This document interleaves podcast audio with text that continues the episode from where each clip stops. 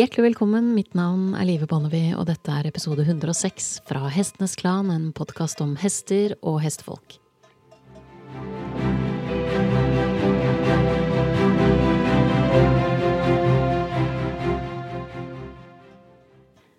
Og som det sikkert er rimelig enkelt å høre på lyden, så har jeg lagt, uh, lagt studio bak meg, og jeg er nå ute i felt.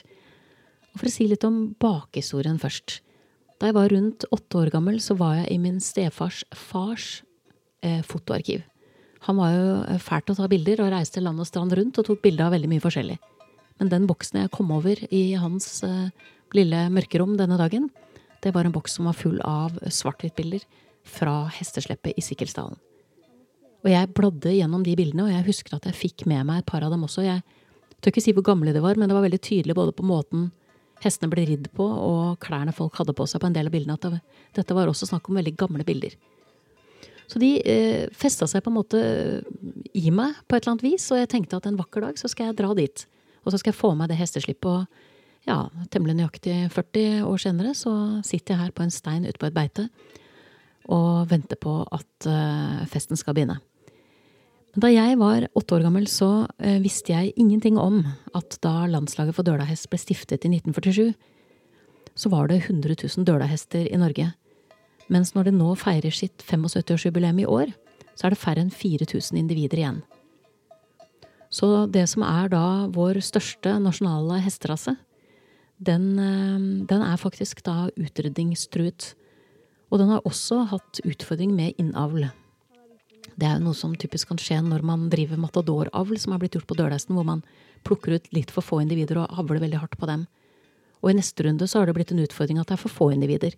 Men det har blitt jobba veldig systematisk nå for å bevare denne hesterasen. Og jeg har tenkt å benytte denne podkasten til å slå et slag for at dette her er en hest som det er verdt å ta vare på. For meg så har jo dølahest bare vært et ord, og jeg har tenkt det er en uh, tung, ganske stor trekkhest. Og jeg husker den første gangen jeg så en, fordi jeg alltid drevet med islandshest, så husker jeg størrelsen på høvene gjorde inntrykk på meg. Altså Jeg opplevde at dette er en, en veldig stor hest. Eh, men det er liksom det nærmeste jeg har kommet til dølhest. Og så har det bare vært et ord. Eh, noe som har ligget og, og, hva skal jeg si, svevet i det fjerne på lik linje med, med andre ord som er knytta til hest. Så ikke en rase jeg har hatt noe aktivt uh, forhold til. Og det er litt pussig, for jeg er jo veldig opptatt egentlig av hestens historie når man ser på hesten hestens rolle internasjonalt og historisk. Hesten som sivilisasjonsbygger. Og så tror jeg ikke egentlig jeg før jeg sitter her i dag, har tatt inn over meg at det også har vært hester som har vært med på å bygge Norge. Og at disse eh, godlynte og veldig vakre hestene er en viktig del av den ligningen. Jeg har eh, eh rett og slett bare ikke skjønt hva slags hest eh, det er snakk om.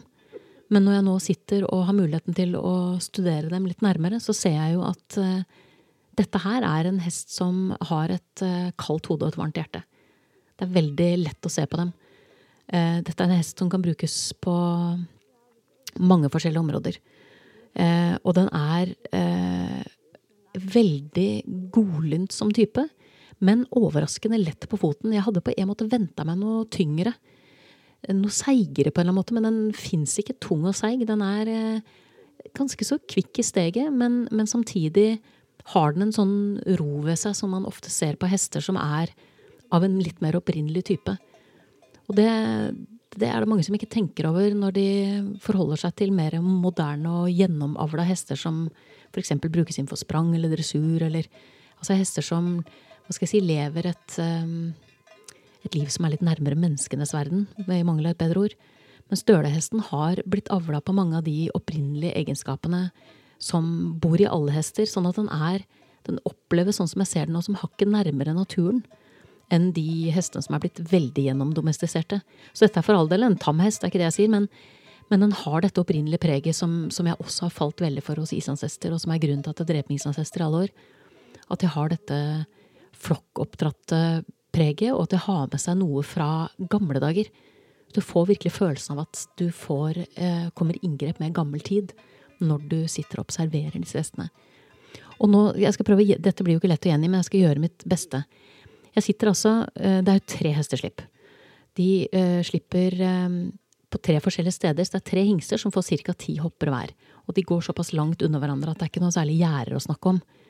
Og første slippet var klokken elleve i dag morges, og den det foregår ganske langt inn på fjellet, så jeg ble anbefalt å, å holde meg litt nærmere, nærmere, basen, sånn at det var mulig å få med seg de to neste slippene.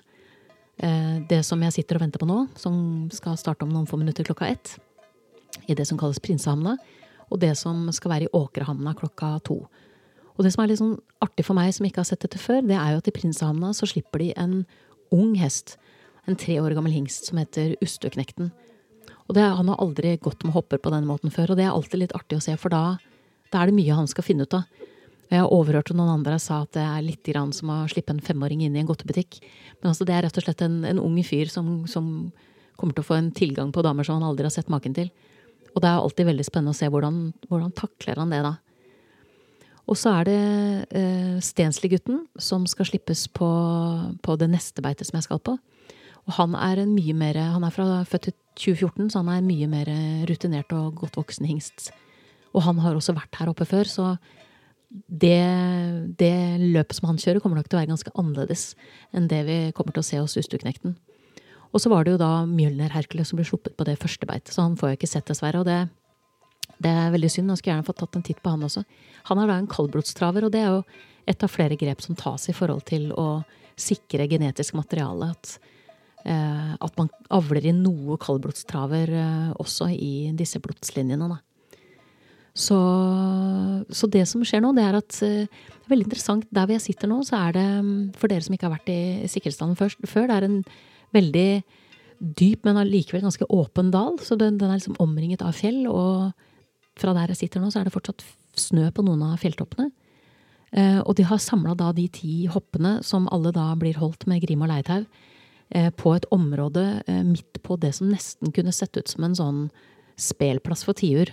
For å si det sånn. Altså en plass som virkelig er som, som skapt for det møtet som nå snart skal se, skje mellom disse ti hoppene og denne hingsten. Um, og hvis jeg skulle være veldig poetisk her, så vil jeg si at dette minner meg litt om et sånn gresk amfiteater. fordi at det er litt sånn opptråkket og, og litt sånn sandaktig jord nederst, som er veldig likt det man ser i nærheten av scenen ofte på disse gamle amfiteaterne. Og så har de da samlet alle hoppene der, så de står der nede i en sirkel. Eh, og tre eller fire av dem har føll ved foten. Og det var jeg heller ikke egentlig forberedt på. Jeg har bare ikke tenkt over det. Men det er jo fantastisk da å se hvordan dette utspiller seg også med følgene som en del av denne ligningen. Og så er det altså så er det nesten som om naturen har tenkt at uh, ingen uh, amfiscene uten et uten et ordentlig atrium rundt. Sånn at her er det rett og slett, her har naturen laget skråninger som er veldig egnet til å sitte i. Og her sitter det, ja, man tenker på tall, men kanskje 200 mennesker eller noe sånt. Eh, og venter på da dette øyeblikket. Når hingsten kommer og Ja, om det er ikke nok av ja, oi, oi. Nå, ja, det er, noen ganger så Det er veldig morsomt å drive med podkast, men noen ganger kunne jeg ønske at jeg drev med TV. For nå ikke bare kommer hingsten nå og blir leid inn, men eh, det går en felespiller foran som er kledd i bunad. Så det er rett og slett en norsk felespiller eh, som går foran, og så kommer eh, Usteknekten bak. Og Usteknekten er en dyp brun eh, hest med svart man, svart hale, eh, og veldig rikt med man og hale og pannelugg. Og så har han noe islett av noen, noe hvitt, både i manen og panneluggen og på hvert fall noen av beina sine. Så han er, han er litt sånn trikolor som type, nesten. og gjør et veldig godt inntrykk her han kommer. Han, har, eh, han er høyreist som hingster flest, og begynner vel allerede nå å ane at her fins det muligheter, så han er allerede i ferd med å blåse seg opp. Og det som er rutinen nå, er at de leier ham en runde rundt hoppene. Sånn at man på en måte får, han får akklimatisert seg litt og, og, tatt inn litt duften av dem. Og en av dem er så brunste at vi kan kjenne det. De står ganske langt unna der jeg sitter nå, men i hvert fall en av dem er så brunste at vi kan lukte det til der vi sitter. Så han, eh, han skjønner nok eh, allerede nå, at, eller for lenge siden antageligvis, at her fins det gode muligheter. Eh, og så når de da har leid ham rundt, og han leies jo da også av en eh, kvinne som har på seg bunad, så det er en veldig uh, utrolig sånn kulturell ramme. Altså egentlig en påminning om hvor lenge denne hesten har vært en del av, av livet her i Norge. Det er både rørende og vakkert, egentlig, å se hvordan de har valgt å ivareta dette. Og det er, det er, klart at det er Norsk Hestesenter, men det er jo det er jo også en, en uh, stor Må jo være en stor mengde med ildsjeler som bidrar til å sørge for at dette her er mulig å holde i hevd. Så det er, det er mye folk her, men det er, det er likevel ikke den der følelsen av ubehagelig trengsel. Og det handler sikkert om at veldig mange av de som er her, har dette som en tradisjon. Så det er et sånt uh, sitter her og kjenner på at dette er et historisk pust, og nå, nå gjør de seg klare til å, å slippe hestene, og da, da blir det spennende å se hvor det bærer. Det må jeg rett og slett bare få med meg i sanntid, og så kommer jeg med en rapport uh, om litt. Da har uh, Usteknekten, uh, etter å ha bommet litt på målet, hvis man kan si det sånn, i hvert fall bedekket én hoppe, om ikke allerede to.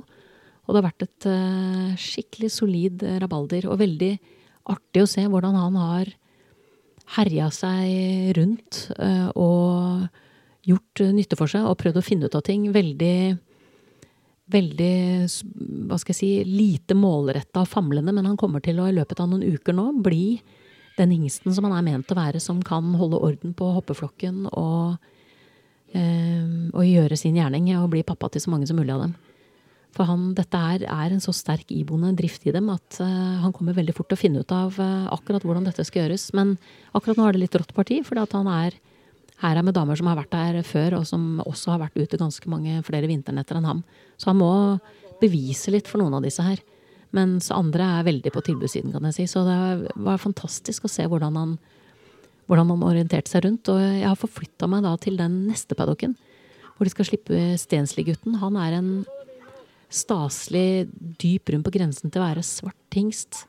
Eh, født i 2014. Og, og litt annen type, vil jeg si, men, men veldig, veldig billedskjønn. Altså, jeg, har jo vært jente en gang og lekt med barbiedukker. Og jeg husker jo hva slags hester det var vi syntes var stas. Og dette er en hest som har, og det gjelder han, det gjelder han godeste Ustuknekten også. Dette er hester som har en del av de kvalitetene. De er, de er overraskende edle og lette på foten, og de har et enormt, enormt praktfull eh, man og hale, begge to. Så de, de gjør mye ut av seg. Når de rister på hodet, så står liksom mannen som en sky rundt dem. Og nå er det samme regimet her. Hoppene er blitt samla og står med grimer på, og han blir leid inn og sluppet. Uh, og nå skal jeg prøve å holde meg online på noe av dette, uh, hvis ikke det blir for distraherende. For det er jo noe med at når man har ventet med 40-40 år med å komme opp og se på det, så har man ikke lyst til å så man ikke lyst til å gi fra seg det øyeblikket hvor, uh, hvor introduksjonen skjer. Det er jo det jeg syns er fascinerende med dette her, er jo møtepunktet. Det øyeblikket hvor hingsten og hoppene møtes. Og den samtalen som utspiller seg, som høres Ja, nå kommer den. Kan bare høres. Ja, nå skal, nå, jeg bare ser at nå nærmer han seg en hoppe. Jeg skal dere skal få høre den lyden, og så, så skal jeg rett og slett uh, finne noen å snakke med som kan si litt mer om, uh, om dette treffet enn det jeg kan gjøre, fordi de har uh, mer kompetanse og mer erfaring fra det, rett og slett. Så, men hør litt på disse lydene først, og så følger jeg opp med et par intervjuer, tenker jeg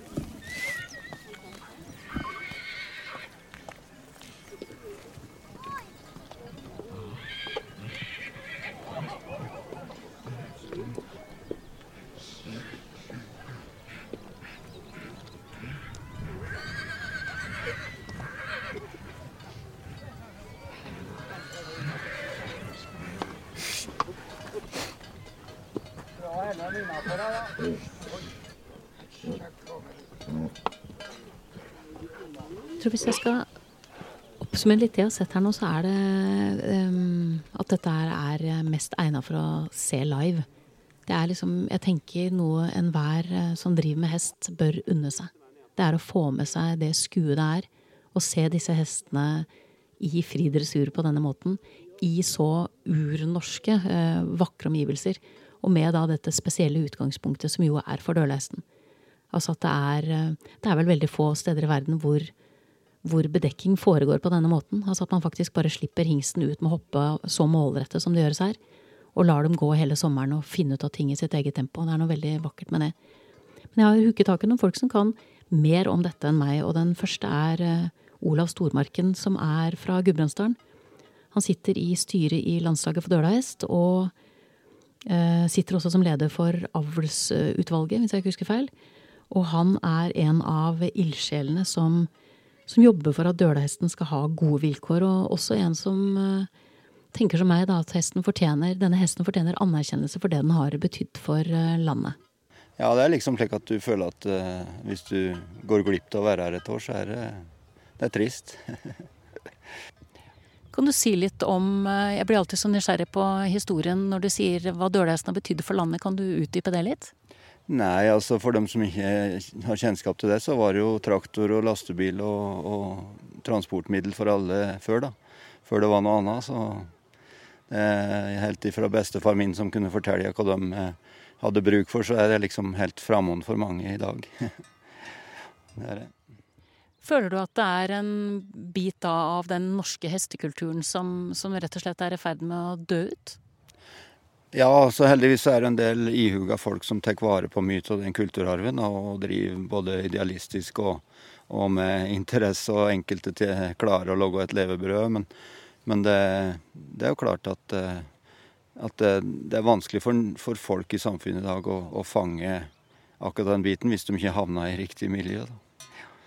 Så nei, det, det, er jo ei dør som akkurat eh, Hvis de åpner den, så er det mye interessant å finne der. Du må gjerne si litt om uh, hva? Ja, altså det, jeg tror det er mange For jeg hører jo stadig om, eh, om tilfeller at folk har bytta hesterase og gått over til døl, og, og oppdaga egentlig hva slags eh, kontakt de får med det dyret, fordi det er, det er ordentlig jorda og liksom at, at den avlen har vært såpass god at, at, det er håndterbar for folk. At folk ja, Alt fra terapi til Det er jo terapi for oss som ikke trenger terapi, for å si det slik. Så nei, det er viktig, og det er artig for dem som klarer oss å, å fange den. For den er jo på en måte, tenker jeg, som har drevet med hest ganske mange år på min kant, og sånn sett drevet med islandshester, at dølhest er jo noe jeg vet hva er på avstand. Men jeg har på en måte ikke så mye direkte befatning med den, jeg tror det gjelder mange. Så det, nå har jeg fått litt inntrykk i dag, men det hadde vært litt ålreit også å høre deg si litt om hva, hva er det for slags hest vi snakker om her? Nei, men Det er akkurat det som er så fint da, for Dørleisen Den kan du bruke alltid fra terapi, ridning og handikapjobbing. Og så kan du starte med den som dressurhest på, og, og på kjørestevne. Og, den er liksom egna, sjøl om du eldre kan konkurrere med de som er avla for det i, i topp i, i liksom så, så, er den så egna spesielt som førstegangshest. da, For å ha en hest som er balansert og, og, og rolig i toppen. Så det er jo klart det kalde hodet og varme hjertet, det, det, det passer fint. Er det det du føler at oppsummerer dem best, sånn som du kjenner dem? Ja, det, det er akkurat det. det de, de, tre nasjonale, eller tre av de fire nasjonale hesterasene i Norge, det Dølahesten liksom, den, den, har sitt særpreg. for at den, Når den er avla riktig, så vil den gjøre godt for det, liksom. Den, fjordingen er på en annen måte, og nordlandshesten er på en annen måte. men Døren er veldig spesiell der, eh, føler jeg. Han er, han er veldig til å ville, ville være spille på lag. Altså. Helt spesielt. Får egentlig litt det inntrykket når, eh, når dere slipper dem også? Altså at du, du ser at det er et eh, Altså alle hester er sosiale, men de blir jo mer sosiale når de får lov å leve mer naturlig? Ingen tvil om det. Det kommer fram, eh, kommer fram godt. Jeg var så heldig at jeg fikk være med å gjete hest i fjellet fra jeg var 10-11 år gammel. Og, det å oppleve hesten i naturen, det tror jeg har ja, det, det, det, har vært voldsomt uh, lærerikt. da, Selv om du kanskje ikke akkurat der og da klarer å sette fingeren på det, så, så tar du med deg språket, liksom. da, Eller dyrespråket. og det, Jeg driver som hovslager, og det, det har redda fryktelig mange situasjoner for meg at, at, at du kan å lese hest. Og det, og, uh, nå er ikke det største problemet med dølahesten det, da, men, uh, men det, de kommuniserer på litt lavere frekvens enn mange, da, men det er veldig beroligende på, på dem som trenger det. Så eh, da du som guttunge gjeta hester eh, da du var ti, vil du si at eh, Hva vil du si er den største forskjellen når du ser på dølhesten den gangen, og, og i og for seg samfunnets forhold til dølhesten og dølhesten i dag? Nei, Den største forskjellen er vel at, at de gamle gamle kara som drev da, da de, jo, de, var på tur ut da. og Det, det, det ble borte en god del kunnskap og, og, eh, og kultur og ja, oskrevet kunnskap, liksom. da. Så, jeg, jeg har sagt det om flere der at eh, de kunne ikke skrive bok, men de, de, de var bedre horsemanship-folk enn mange som, som, reklamerer stort. Jeg husker det første, første, jeg var med og kjørte hest i skogen, så den gamle mera til onkelen min hun gikk jo med oppknyttet tommer og gikk høyre og venstre. og eh, Da har du samarbeidet der som gjør at det, det er godt levelig for både, både folk og dyr. Da. Det blir et samarbeid, det blir ikke noe krangling og styr for å få gjort det en skal. Du er jo inne på noe der som, eh, som, har, eh, som, jeg har lagt merke til også. og Det er jo at eh, det er ikke nødvendigvis de beste hestekarene som er de som skriver bøker og lager DVD-er. Det, det, er jeg helt enig i, og det, det, det, gjelder en dag i dag, det. Så Spørsmålet er jo hvordan vi kan både få fremma denne måten som, som man driver med dølahest på, som jeg tenker mange andre hesteraser ville hatt stor glede av men også hvordan man kan få tak på de stemmene som kan fortelle kanskje en litt mer stillfaren historie om hvordan man håndterer hest. Også, også jobber litt med det i landslaget for Dølhest nå. for og ser nå at det er ny brukergruppe, nye oppdrettere og, og annen type folk som har begynt med dølahesten. Og vi eh, skal bl.a. ha noen spørreundersøkelser nå for å finne ut hvorfor en del av de yngre hingstene ikke ikke kommer til kåring. Og, og det, er da i den prosessen så prøver vi også å få eh, også få kobla lokal kunnskap. Og der har oss, oss egentlig formidla det at eh, søk lokalt, for det ofte er det de som er stillfarne og kanskje som sitter på det største, største potensialet på, på kunnskap. da. For de, de er nøytrale. Liksom, de, de, skal ikke ha noe blest om seg sjøl, men det er kunnskapen som gjelder. Så Vi håper at vi kan få kobla en del folk der i den jobbinga som gjør at, at, kunnskapen går videre, og at de som er nye, får med seg historikk og, og, og, noe som de kan bringe enda videre. At, de, at, det vil åpne flere dører for dem. For det er ikke alle som er så heldige som jeg var og født inn i det. Det blir, det blir på en helt annen måte. Men hvis du, hvis du da blir møtt med ja, du kan tenke bestemor eller bestefar eller et eller annet som sitter på kunnskap om, om hest. da. Det, altså det, det, den er mer verdt enn det du kan søke opp på internett og slike ting, for der får du 40 svar hvis du spør om noe. ikke sant? Men her kan du få et nøytralt svar som, ikke, som de ikke er De er ikke blaserte, da. De, det, det, er det de har erfart, og det de kan. da. Det er ikke, det er ikke for oss å få noe overskrift i et blad eller et eller annet. sant? Så det, det prøver vi også å formidle, og det, det, det, tror jeg oss eh, kan klare, da, hvis, hvis vi klarer å få bruke lokalforeninger og slike ting innad i laget vårt.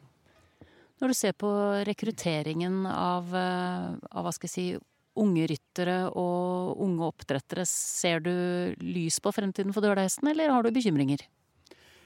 Ja, altså det, slik som det er nå, så er det, det er gode priser på dørlesten og, og, og, såpass mye tilgjengelig avlshest, så det, er lett å øke antall bedekninger med, i takt med markedet. Men nå ser det ut som det blir en annen konjunktur akkurat nå. Da. Altså det, er litt spennende hvordan det gir utslag i bedekning. For det er jo mye av de nye brukerne. De, de, jo, de kjøper jo tjenester. Sånn. De kjøper fôr, og de kjøper stellplass. og da, da, blir det dyrere å hest, og det, det, jeg er bekymra for det nå, at det kan bli en knekk. Men håper jo at det, det går bedre enn frykta. en, må liksom, en må prøve å ligge litt i forkant og kanskje få stimulert der det, der det trengs. Så, så, at det ikke får en dupp med, med lavere bedekningstall og, og mindre fødte når dere har eh, i år så slipper dere tre hingster som har ti hopper hver. Eh, hva er forventningen i forhold til hvor mange av dem som vil ta seg, hvis dere har noe statistikk eller noe sammenligning, sammenligningsgrunnlag på det? Det, det er jo henger i hop med, med, en del av det med nye brukere. For før så var det liksom De gamle oppdretterne de begynte å bedekke tidlig. og Nå er det ofte at, eh, at noen som har ei hoppe, så venter de til hun er godt voksen før de prøver. Og, og da går jo sjansen ned for at den skal ta seg før. Da. Så det, det henger, henger mye i hop, dette der med, med, kultur og tradisjon. Og nå har vi akkurat nå et eh, spennende prosjekt uh, som går på drektighet. Da, på, på de, de, tre nasjonale rasene. Og uh, mest fokus på fjordhest og, og døl. Og det blir spennende å se. Vi håper jo at vi ikke finner noe som er genetisk, eller noe som er, er vanskelig å bli kvitt. Men, men det er for, det for lave følgetall i forhold til bedekning slik det er nå. Men jeg tror at det er et sammensett bilde, og håper at det ikke er noe sykdomsrelatert. For det henger, det henger i hop med at det er nye brukere som har en, en annen vinkling inn på å ha hest. Og, og de vil ha et føll akkurat når det passer, akkurat sjøl om kanskje ikke mer passer. Hun er jo bygd til å produsere føll, egentlig. Men jeg håper at vi kan få trend med at kanskje de, de tar en følunge eller to før de begynner å jobbe hesten mot det de skal. Enten en sport eller, eller en bruk eller et eller annet. At de, at de tar tida da mens hesten er ung, og så kanskje bedekke. da. Og kanskje vi kan lære litt til varmblods ridehest akkurat på det feltet, for de har jo vært flinke til å, til å kanskje ta en følunge eller to før de, før de setter, setter, dem i sporten. Så det håper jeg kan bli litt trend, for da, da får en i hvert fall i gang å se at, at hoppa fungerer til det hun egentlig skal brukes til. Jeg må si eh, kunstig inseminering, håndbedekking altså Det er et eller annet med at å se hestene ordne seg sjøl. Ja. Og, og, gå i flokk sånn som de gjør her. Noen hopper har uh, føll ved foten fortsatt. Og, og de, ja, de finner ut av sin egen, uh, sin egen rytme og tar det i sitt eget tempo. Det er en enorm kontrast. Mm. Og så Der kan jeg henge på det, for det, det, er så mange som har opptenkt at nei, den, det var en dårlig hingst. Han bedekte ikke noe første dagen, liksom. Men det har han jo sett at det, det, er jo de beste hingstene, for de har oversikt likevel. og det, det viser seg at det, det, blir ikke noe dårligere følgeprosent på dem, for de, har en fantastisk, fantastisk sans for å ha kontroll på, på hele følget, sjøl om det ikke ser slik ut. Det var jo veldig interessant å se kontrasten til de to hingstene jeg så ble sluppet i dag. Først treåringen som eh, ble beskrevet av noen andre som en femåring som fikk slippe løs i en godtebutikk og ikke visste hvor han skulle starte og han rutinerte som, som var litt mer eh, avmålt og, og, luktet litt rundt på gresset og sjekket eh, forholdene før han begynte å ta for seg. Veldig interessant å se. Ja, det er jo, det er jo naturen, og det, det, er jo slik vi har sett at eh, at oss kaller det seterhingster, da, før at de som gikk her, liksom det, De som var rutinerte, de, de, var, de hadde den gjerda der. Og, og, de hadde veldig fort kustus på flokken og, og full kontroll. Det, erfaring det teller alt. Du ser han treåringen var jo litt dum og bus og fikk seg et par smeller, men det, det, er en del av læringa. Så uh, har gått utover eh, et par uker nå, så, så har han nok skjønt litt mer.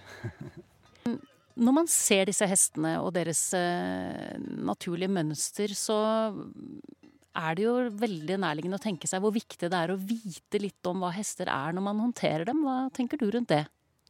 Ja, men det, det, er jo det som Jeg jobber som hovklager, og, og det er både frustrasjon og glede blanda. For det, eh, det, er folk som kan drive med hest i flere årtier og ikke løse koden, og så har du enkelte som har løst koden og, og klarer å få til et samarbeid med hesten i stedet for at at det blir, blir gnisninger, og at de klarer å lese og tolke hesten og, og prate hestens språk sjøl. Det, det, jeg er helt overbevist om at jeg har klart meg best gjennom den yrkeskarrieren. Fordi at, eh, at, eh, at, du har en kommunikasjon inne, så at du, du både redder situasjonen og hesten er trygg på det du driver med. Jeg tenkte jeg skulle avslutte med å stille deg mitt signaturspørsmål. Ja. Hva du har lært om hester gjennom et langt liv som du kunne ønske at alle som drev med hest, visste?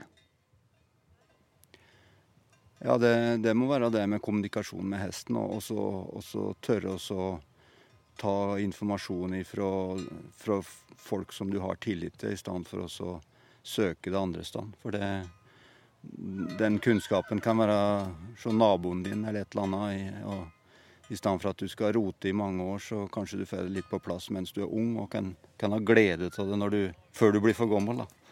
For å knekke den koden, det, det er nokså artig og ganske interessant. og jeg kunne ønske at det var flere som liksom oppnådde det å kommunisere mer med dyr. Så tusen hjertelig takk for praten, Ola. Blir du her oppe lenge nå, eller? Nei, vi skal ned nå i, i dag, og så skal vi slippe en unghingst i morgen i, i Unghingstam. Så det, er en fin helg. Du skal takke og alle de andre involverte også, fordi dere holder denne tradisjonen i hevd. Jeg må si Det var en stor opplevelse å få oppleve det her. Ja, men Det er gledelig å dele det. Det, det åpner dører her. Olav oppsummerte det egentlig veldig godt. Man sitter igjen med nettopp en følelse av at det er åpne dører. Jeg ble tatt utrolig godt imot eh, av alle jeg har snakket med her oppe, og som har vært rause og delt av sine erfaringer og, og, kommet med råd i forhold til hvor det kan være best å ta opp lyd og bilder og sånne ting. Så det har vært eh, helt supert. Jeg klarte også da å huke tak i en eh, gjest til før jeg satte kursen eh, sørover igjen, og da snakket jeg med Therese Selle hun har en mastergrad i husdyrvitenskap, og hun har skrevet en hovedoppgave om hesteavl. Og jeg traff henne i transit, for å si det sånn. Hun var på vei innover for å plukke opp de hestene som ble sluppet i den første flokken, fordi de skal flyttes videre innover i dalen. Eh, et prosjekt som de beregna å bruke ca. fire timer på. Hvis jeg ikke hadde skullet rekke et hestekurs i Kongsvinger dagen etter, så hadde jeg, hadde jeg, garantert blitt med på det, for nå hadde jeg gått meg skikkelig varm. Så når jeg snakker med Therese, så er hun på farta, bokstavelig talt. Hun er i ferd med å trekke innover med resten av gjengen, sånn at vi Det opptaket er tatt mens vi går. Um, så dette er det som kommer ut av uh, praten med henne. Kan du, uh, for oss som driver med islandshest og andre hester, og vet at dølehesten den er stor Eh, og stopper kompetansen omtrent der. Kan du si litt om eh, hva slags hest er det vi har med å gjøre? Dølehesten er en, eh, en særegen norsk liten eh, trekkhest, hvis en skal sammenligne den med andre trekkhester. Mye brukt i, var brukt som jordbruks... Eh, altså som traktor på eh, gårdsbrukene på flatbygd på Østlandet. Eh, har sitt, den sier at den har sitt opphav i Gudbrandsdalen. Og så har den jo bredt seg derifra, da. Den har jo felles historie med sin lettere halvbror eh. Som òg er representert her oppe i Sikkesdalen. Med et hingsteslipp hvert år. Ja. Og din, din befatning, hva er din rolle i dette hestesleppet? Eh, jeg er her som representant fra Norsk Hestsenter. Der er jeg ansatt som eh, rådgiver på avl. Eh, så min rolle er å bidra i bevaringsarbeidet og avlsarbeidet på nasjonale raser, bl.a. da dølahesten. Og Norsk Hestsenter er òg tildelt rollen som å være nasjonalt senter for dølahest. For, for alle de nasjonale rasene har et, et nasjonalt senter som skal være et utstillingsvindu og et bevaringssted for, for sin rase, da. Eh, jeg må bare spørre deg om en ting som jeg, som jeg ble veldig sånn over, liksom satt ut av. Og det var at når eh, man kom leiende med hingsten, så gikk det en fyr foran og spilte på ei fele i full bunad. Og hun, eller han som leide hesten, hadde også full bunad. Eh, så dette kulturperspektivet ble så forsterket. Kan du si litt om det? Ja, eh, Som jeg nevnte, så, så, er det jo lang tradisjon for eh, dette. Og, og i og med at dette er en nasjonal rase, så, så kommer liksom nasjonalromantikken og nasjonalfølelsen kommer òg inn i bildet. Eh, eh, så det er noe særegent med det, med det norske, da, med bunaden og fele og, og en, en norsk hest. Særegent norsk hest. Um, og, og, så er det jo det, er jo dette som er måten å gjøre det på. Vi snakket litt om fruktbarhet i stad òg. Og, og, her får man ofte god fruktbarhet når hestene får lov å finne ut av dette på egen hånd. Eh, det tar gjerne litt lengre tid, man må være litt mer tålmodig, men resultatet blir gjerne vel så godt. Så ja, eh, det er en veldig viktig tradisjon å holde i hevd. Og det er jo òg signalisert gjennom at eh, vi har fått den oppgaven og skal drifte denne hesteavlsetteren videre. Har du, eh, ja, nå skal du videre innover og gjøre nytte for deg, rett og slett. Flytte på en hel flokk med hester. Ja. Eh, men har du noen sånne eh, avsluttende ord eh, før vi sier takk for praten? Ja, eh, jeg vil jo oppfordre alle sammen som har muligheten til å komme til Sikkisdalen. Både når det er slipp, men her er det òg åpent hele året. Det er et fantastisk turterreng. Det er nydelige omgivelser. Å ta en tur i Sikkilsdalen og, og, bare sitte og observere hester i sitt, eh, sitt naturlige element, kan jeg absolutt anbefale. Og hvis dere møter på gjeterne, så elsker de å fortelle historien om Sikkilsdalen og om hestene, og om dølahesten. Eh, for nå er vi i dølahesten sitt rike. Så kom gjerne innom og slå av en prat. Du har nettopp hørt episode 106 fra Hestenes Klan, en podkast om hester og hestefolk. Og dette er sesongens siste episode før podkasten tar en velfortjent sommerferie. Og hva er vel bedre, tenkte jeg, enn å avslutte denne episoden med nettopp et hesteslepp i Siklesdalen. Jeg føler jo at det er litt begrenset å bare bruke lyd denne gangen, og derfor har jeg også lastet opp, eller jeg kommer til å laste opp, når jeg får redigert ting ferdig, både bilder og film fra dette hestesleppet. Så der blir det litt av hvert å feste blikket på.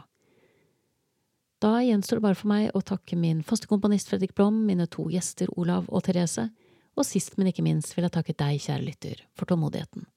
Måtte hesten for alltid være med deg.